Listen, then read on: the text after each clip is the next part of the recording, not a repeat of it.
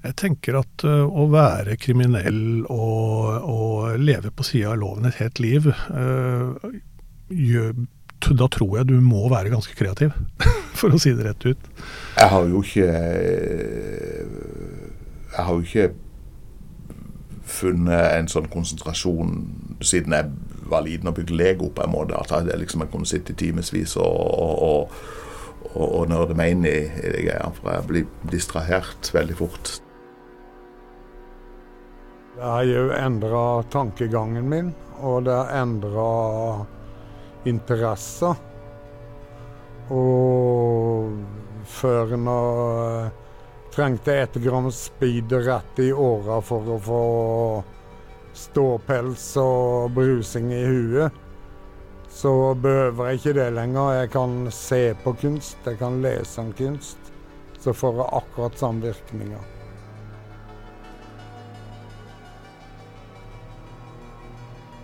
Jeg heter Kåre Magnus Berg. Jeg er programleder og kunstner, og skal i denne podkasten ta deg gjennom historien til Agder kunstakademi. En skole litt utenom det vanlige. Til hvert nye offentlige bygg i Norge settes det av midler til kunst. Det er det statlige organet KORO, Kunst i det offentlige rom, som står bak denne ordningen.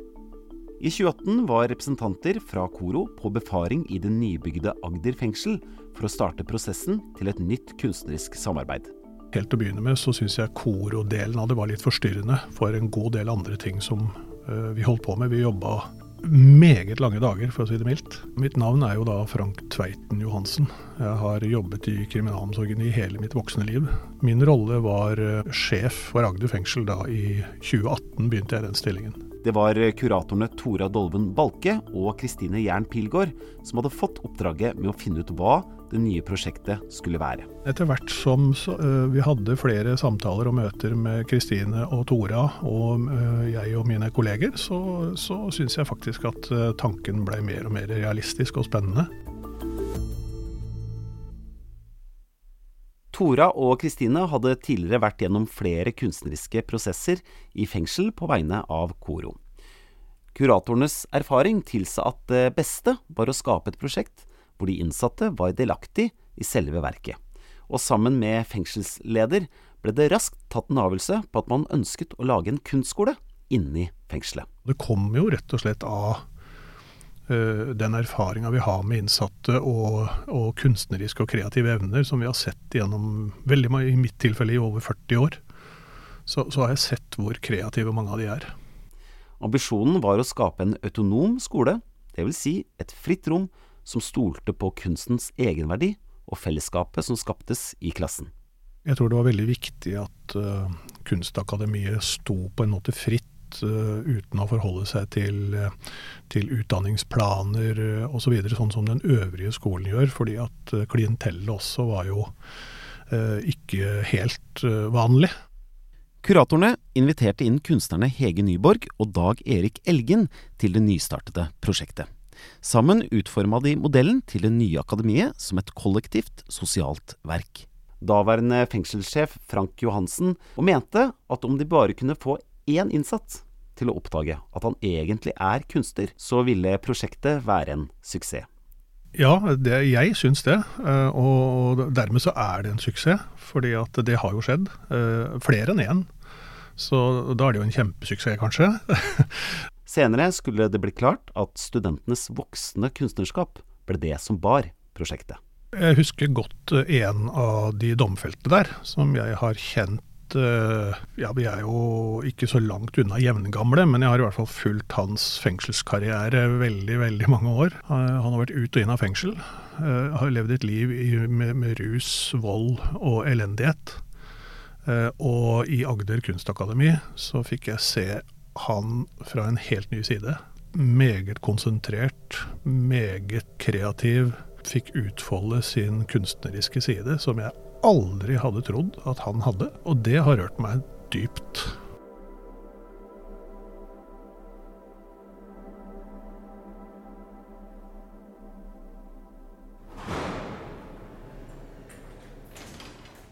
Skolen hadde et begrenset antall studieplasser, og kunne romme maks ti studenter. De innsatte måtte derfor søke seg dit på lik linje med andre studier i fengselet, før de ble tatt inn på det som fikk navnet Agder kunstakademi. Skolemodellen besto av de to faste lærerne Sverre Gullesen og Monica Winther. Begge er kunstnere med bred erfaring. Verksbetjent Solfrid Kjetså, med bakgrunn fra scenografi for film og teater, har vært en nøkkelperson i den daglige driften av akademiet. Sammen med en rekke gjesteforelesere ble det undervist og holdt workshops innenfor ulike kunstfelt. Utdanningen strakk seg over tre år, fra våren 2021 til høsten 2023. De innsattes studieforløp ville naturligvis bli varierende, ettersom hver enkelt person hadde dommer med ulik lengde. Hadde man en kort dom, var man der en kortere periode. Hadde man en lang dom, kunne man være der lenger. Eller hele perioden på tre år.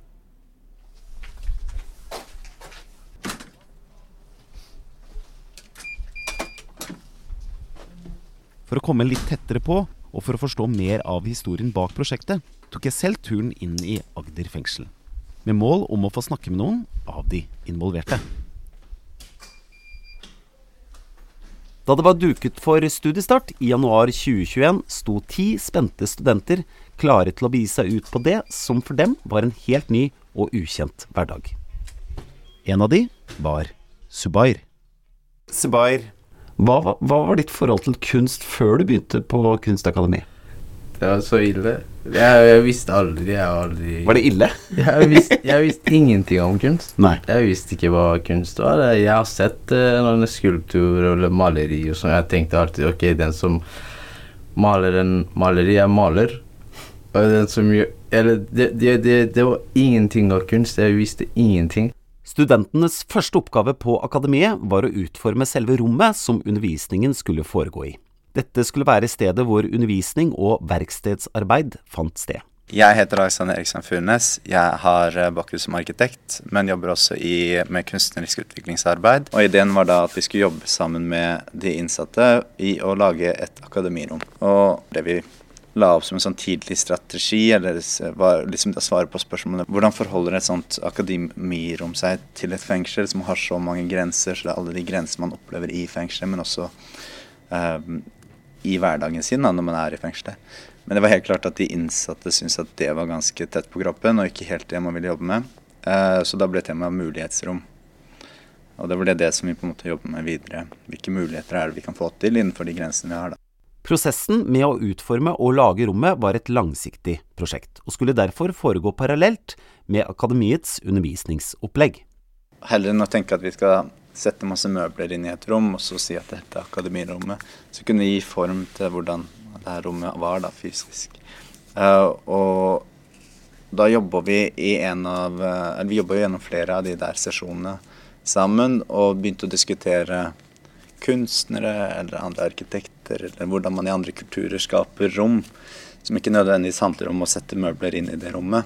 Og det som var det som klikka veldig i gruppa, var det her eh, når vi begynte å snakke om hvordan japanske hus er bygd. Veldig mange sånn tradisjonelle japanske hus er jo bygd opp rundt tatamistørrelsen. Så tatamien er liksom den grunnleggende dimensjonen i et japansk hus. Eh, og i eh, forsamlingsrommet så har man ofte en, en sentral tatami, et kvadratisk en, i midten av rommet, som kan løftes opp, og i den kan man sette beina ned. Store deler av gulvet er altså hevet opp, og har et øvre lag bestående av solide plater kalt tatamimatter. Noen av disse kan fjernes, og på den måten danne et nedsenket parti til bord og benplass. Denne løsningen kalles på japansk for horugotatsu. Da sitter man på gulvet og har et bord som man da setter rundt beina sine. og sitter man hele familien der, og så spiser middag. Og ofte når det er kaldt på vinteren, da kan man også legge et teppe over det bordet. Så da sitter man med beina i gulvet, som har gulvvarme, eller sånn en ovn nedi der. Og så er det et teppe, og så er det et bord. Så da har du en veldig god sånn oppvarmet situasjon. da. Eh, og det her med å sitte i, på gulvet, med beina i gulvet, eh, det å, å, kunne liksom å skape et sted for seg selv, ved å ta bort et lokk og sette seg inn, det var noe som klikka veldig bra i gruppa. Og det der med at man kunne Det var noen som snakka litt om det her med også f.eks. at man aldri kan legge seg på gulvet hvor som helst i fengselet. Så det her med å, å sette beina i gulvet, ta opp lokket, det ble liksom en sånn horigotatsu ble ganske viktig der for den gruppa. Studentene hadde etter omtrent ett år sitt helt eget funksjonelle Horigotatsu-klasserom, som skilte seg ut fra alle de andre rommene i fengselet.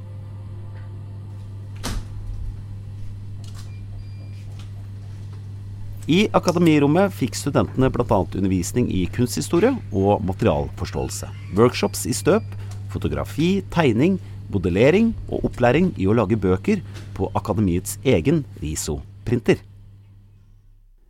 En av studentene, Subair, hadde lagt merke til at tingene det var mest hærverk på i Agder fengsel, var TV-skjermene som fantes på cellene. Vi har fått eh, jeg har fått en TV og en betjent Som var ødelagt, som var helt ødelagt. var- Men jeg var veldig nysgjerrig. Jeg var veldig nysgjerrig for å se hva er inni den TV-en og sånne ting. Så jeg sa ok, jeg kan bruke den, og jeg tenkte når jeg skal åpne den helt og se hva er inne, så kaster jeg den. Ja, og så tok jeg den og åpna den. Når jeg åpna det, det visste jeg aldri at det hadde lys bak. Det hadde jeg jo ikke tenkt på. Nei, altså, det har ikke jeg tenkt på lys- lys bak, Men det er som hvis ikke det er lys, så vi kan ikke se på filmer og sånn. sånt. Men jeg hadde aldri tenkt at det er noe Så fikk jeg den ideen. Ok, kanskje jeg kan tegne noen tegning eller eh, noe sånn, eller skrive noe dikt og sånn, og bruke den TV som en ramme. Og som en lysboks. Ja, en sånn På en måte? lysboks. Ja, Mhm. en sånn lysboks. Subair så potensialet i å bruke disse som materiale i kunstverk, og ga de nytt liv med malerier, tegninger, objekter og ikke minst tekst, satt inn i selve TV-skjermene.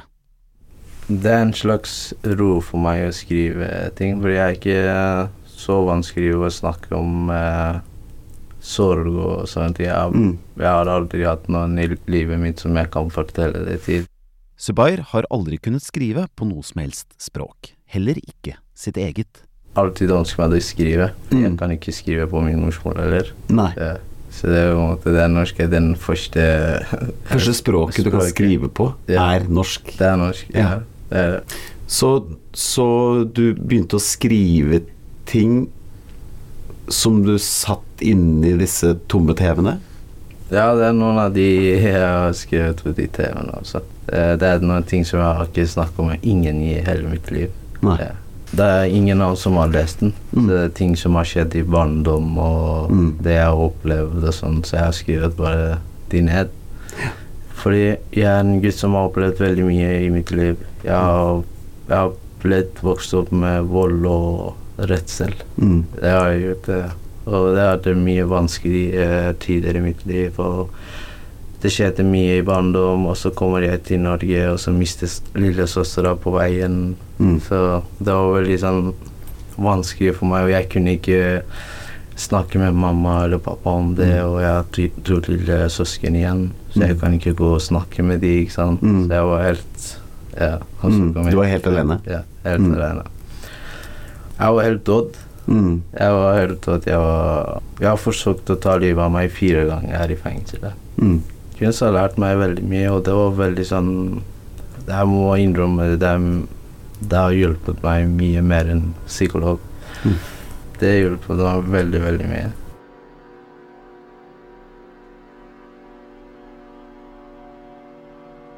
En av de i fengselet som virkelig har sett akademiets effekt på de innsatte, er Eivind Stie. Eivind, Ja, du er fengselsprest. det er Altså, Som en fengselsprest så f får du de innerste tankene og frustrasjonene og eh, historiene fra eh, de innsatte. Mhm. Det er du som får det. Mhm. Hvis man skal snakke om kunst som et hjelpemiddel for å bli bedre Mhm. Gjennom disse årene Kunstakademiet har holdt på, har det hatt en verdi? Men Har det hjulpet dem? Ja. Og det jeg har sett, det er at de har lært å se. Og veldig mange av de som er blitt spurt kan du ikke være med på Kunstakademiet. Og Jeg husker jeg sa alltid det er det mest meningsfulle du kan gjøre her. Søke deg inn. Ja, men jeg kan ikke tegne. Nei, men det gjør ikke noe, det. Du kan jo se. Ja, ja, det kan de jo. Og så meldte de seg på. Og så har du dette med akademiet, som har en type refleksjon ikke sant? over det som skjer. Over hva det vil si å se. Og det har jeg vært med på nært hold og sett mennesker som er ja, altså forvandla til kunstnere. Og, og det, er, det er stort.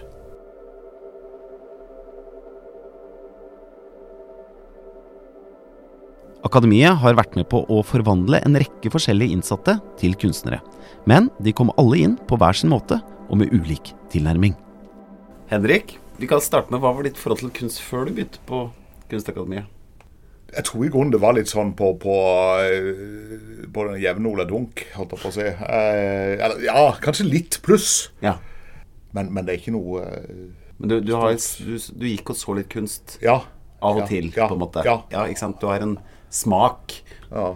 Hvor lenge har du vært på akademi? Februar, kanskje. Ja. Egentlig så var jeg sy sysselsatt på, på, på den plass. Men det ble for mye lyd og for mye bråk. Det var inne på, på, på tipp, det var på sånn verkstedspacing og, og banking og sånn. Og så, så var det en som eh, bor på avdeling med, som, det, som, som går her på Kunstakademiet, som sa det.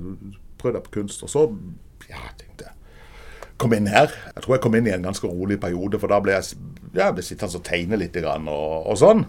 Og jeg så jo ganske fort det at eh, jeg hadde ikke noe talent innenfor tegning, tror jeg. Men det var liksom rolig og, og, og fint og fine folk her. Og, og, øh, og så kom jo eh, diverse lærere utenifra, liksom. Altså litt mer sånn, sånn eh, ja, dette er undervisning. ja. Altså, dette er en, dette er en skole. Det er ikke bare, ja, det er ordentlig. Det er ikke liksom bare å, å sitte i et, finnes et koselig hjørne og sitte og, og, og, og tegne. Så det var jo i grunnen da det starta for meg ordentlig. Ja. Jeg hadde modeller, altså modelleringskurs med, med, med Christian og støypekurs med Bo. Dette er liksom ulike lærere som ja, som har vært, vært, innom. innom. Den første tiden var for Henrik preget av å finne plass og tilhørighet på akademiet. Men etter en periode med eksperimentering, prøving og feiling, fant han sin greie. Du har drevet med støp. Støp ble liksom din greie. Ja, ja, så modellering og, Ja. og stø. Hva var det du fant i det som eh, liksom tiltrakk deg? Eh, først og fremst altså, så, så, så var det vel kanskje mestring. Å lage former, lage ansikt. Å studere ansikt. Å nerde seg inn i det, liksom. på en måte. Det var én ting. Jeg har jo lagd abstrakt, mer abstrakte ting. Men, men det, det, det handler jo òg om altså i første omgang mestre håndverket, på en måte. Og, og, og har, har brukt mye tid på, på å trene meg på det før jeg har begynt på kan du si, den kunstneriske delen av det. på en måte. Ja, for Nå kan vi nesten kalle det en politisk utstyr. Du har jo lagd et eh, vi kaller det Putin-verk. Ja, ja, det har jo blitt tre Putin. Ja. Putin-verk. Det begynte med at jeg lagde en byste, altså, det som, altså hodet som skal presenteres på et sølvfat. Presidentens hode på et fat. Det syns jeg i grunnen er ganske passende. Og så, og så har jeg jo da lagd flere versjoner som blir presentert på, på aviser. Stikker hodet opp av. Av media, på en måte, som, som man gjør. Og så har jeg jo den lagd den som, eh, som dobørstholder. Eh, da. Hvilken inngang har du til Putin nå? Er litt annerledes. Før så hørte jeg jo på hva, konsentrerte på hva han sa. Ja, etter hvert så har det gått opp. Altså det, det er jo det er jo mye sprøyt. altså, og det, det er jo helt utrolig. Nå ser jeg jo mer på hvordan han Altså på ansiktet studerer liksom sånn han der jeg kan jeg, altså, jeg, altså Ja, han kan holde en tale, og jeg sitter liksom og, og, og nei, så Jeg snakker ikke russisk, så, så, så da kan jeg sitte liksom og studere øret hans eller mimikken. mikken. Sitte og gå, altså Jeg er inne i rolig miljø og så sitter og holder på med dette her, og det at en jeg har andre ting å okkupere hjernen med. Og, og med det finner jeg en ro, og, og eh, så blodtrykket mitt har jo gått ned. Eh, Så, så Ja, det, det har du sjekka helt sånn medisinsk? ja, ja med, med, medisinsk, ja. ja og og det, det kan være en kombinasjon av, av flere ting. Men jeg tror nok kunsten er en, en, en del av det. Tidligere, altså, Jeg er jo tidligere kretsmester i blodtrykk. Og nå har jeg slutta med blodtrykksmedisin. Jeg gikk rundt og svimla her. og liksom. Og, Kanskje man skal få kunst på resept? ja, godt mulig det.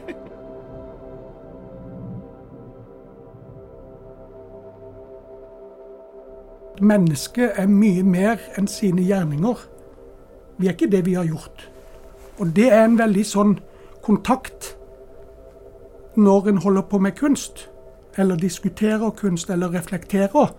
Da bryr jo ikke vi hverandre om noe annet enn det. Altså, det å dannes, det gjør du gjennom et akademi. For du dannes gjennom akademiet ved at du reflekterer. Jeg heter da Nils Christian Jørgensen og har gått på akademiet i tre år ved Froland fengsel. Nils er en av studentene som var delaktig på akademiet gjennom alle tre årene. I dag er han prøveløslatt og har tatt kunstnerlivet sitt med seg videre ut i det fri. Ja, Nils, ja. Han er ferdig sona. Han er på det som kalles prøveløslatelse. Ja. Han er tidligere innsatt i Agder fengsel avdeling Froland, og vi er gode venner. Jeg og han har fått eh, et veldig nært forhold Det er ikke bare eh, fengselsprest og innsatt eh, vi er blitt gode kompiser, da. Jeg lager jo mye ut av gjenbruk. Søppel for andre kan være gull for meg. Uh, ting folk har kasta. Skulpturene til Nils er fargesterke, uttrykksfulle karakterer med skarpe blikk. Ofte laget av tvunnet ståltråd, tau, bein, byggeskum, maling og alle mulige småting. Et slags skremmende rollegalleri med små politiske beskjeder og deadpan-humor. Det var Øy Øyvind som hadde med seg ting til meg, da.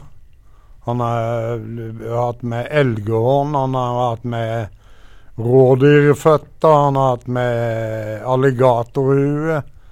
Han har hatt med det meste som jeg kunne lage ting av. Det er en slags kjærlighetshistorie. Ja, ja, ja, jeg blir, Men det er det. Ja, det, det, det er når du spør meg. Og, og jeg er i grunnen litt uh, stolt over det. Ja, nå får jeg jo gåsehud av å se eh, ting eh, mine medelever har laga og sånn, da. Og det er jo helt fantastisk. At da Nils har gått ut og fortsetter som kunstner, da har jo han fått noe meningsfullt å holde på med. Mm. Og jeg har aldri sett noe så meningsfullt. Det har jeg ikke. Altså sånn virkelig.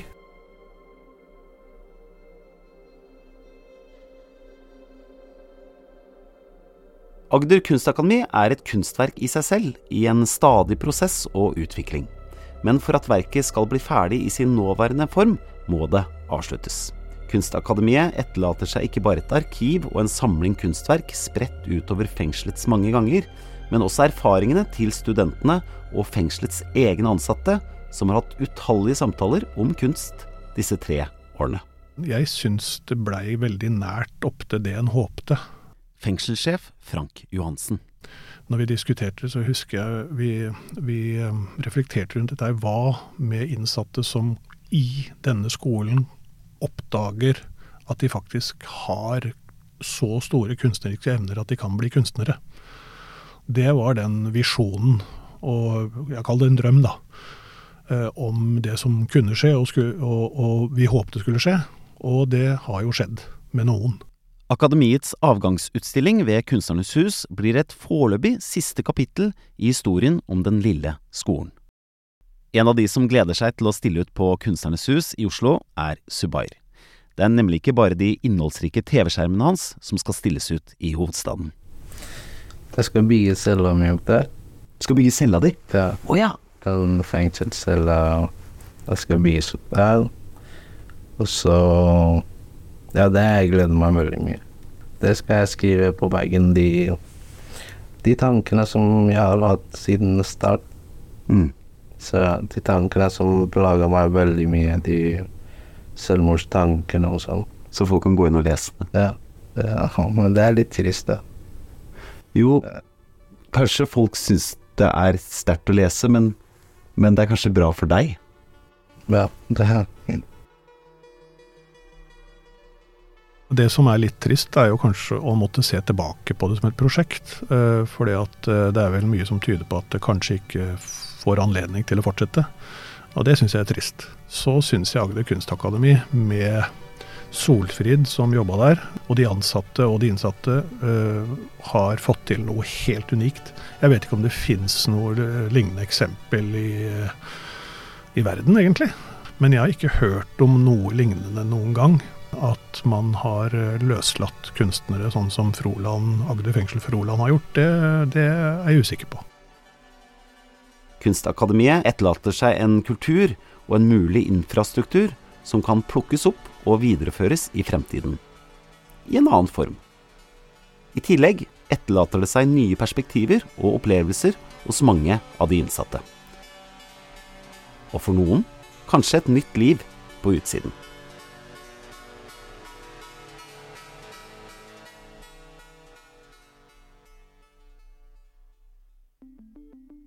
Denne podkasten er produsert av Feelgood Scene Film og TV for Koro i forbindelse med utstillingen Kunst som straff på Kunstnernes hus i Oslo. Den er laget av kurator Tora Dolven Balke og Linn Karin Dirdal fra Koro. Manusforfatter er Atle Bore, og programleder er meg, Kåre Magnus Berg.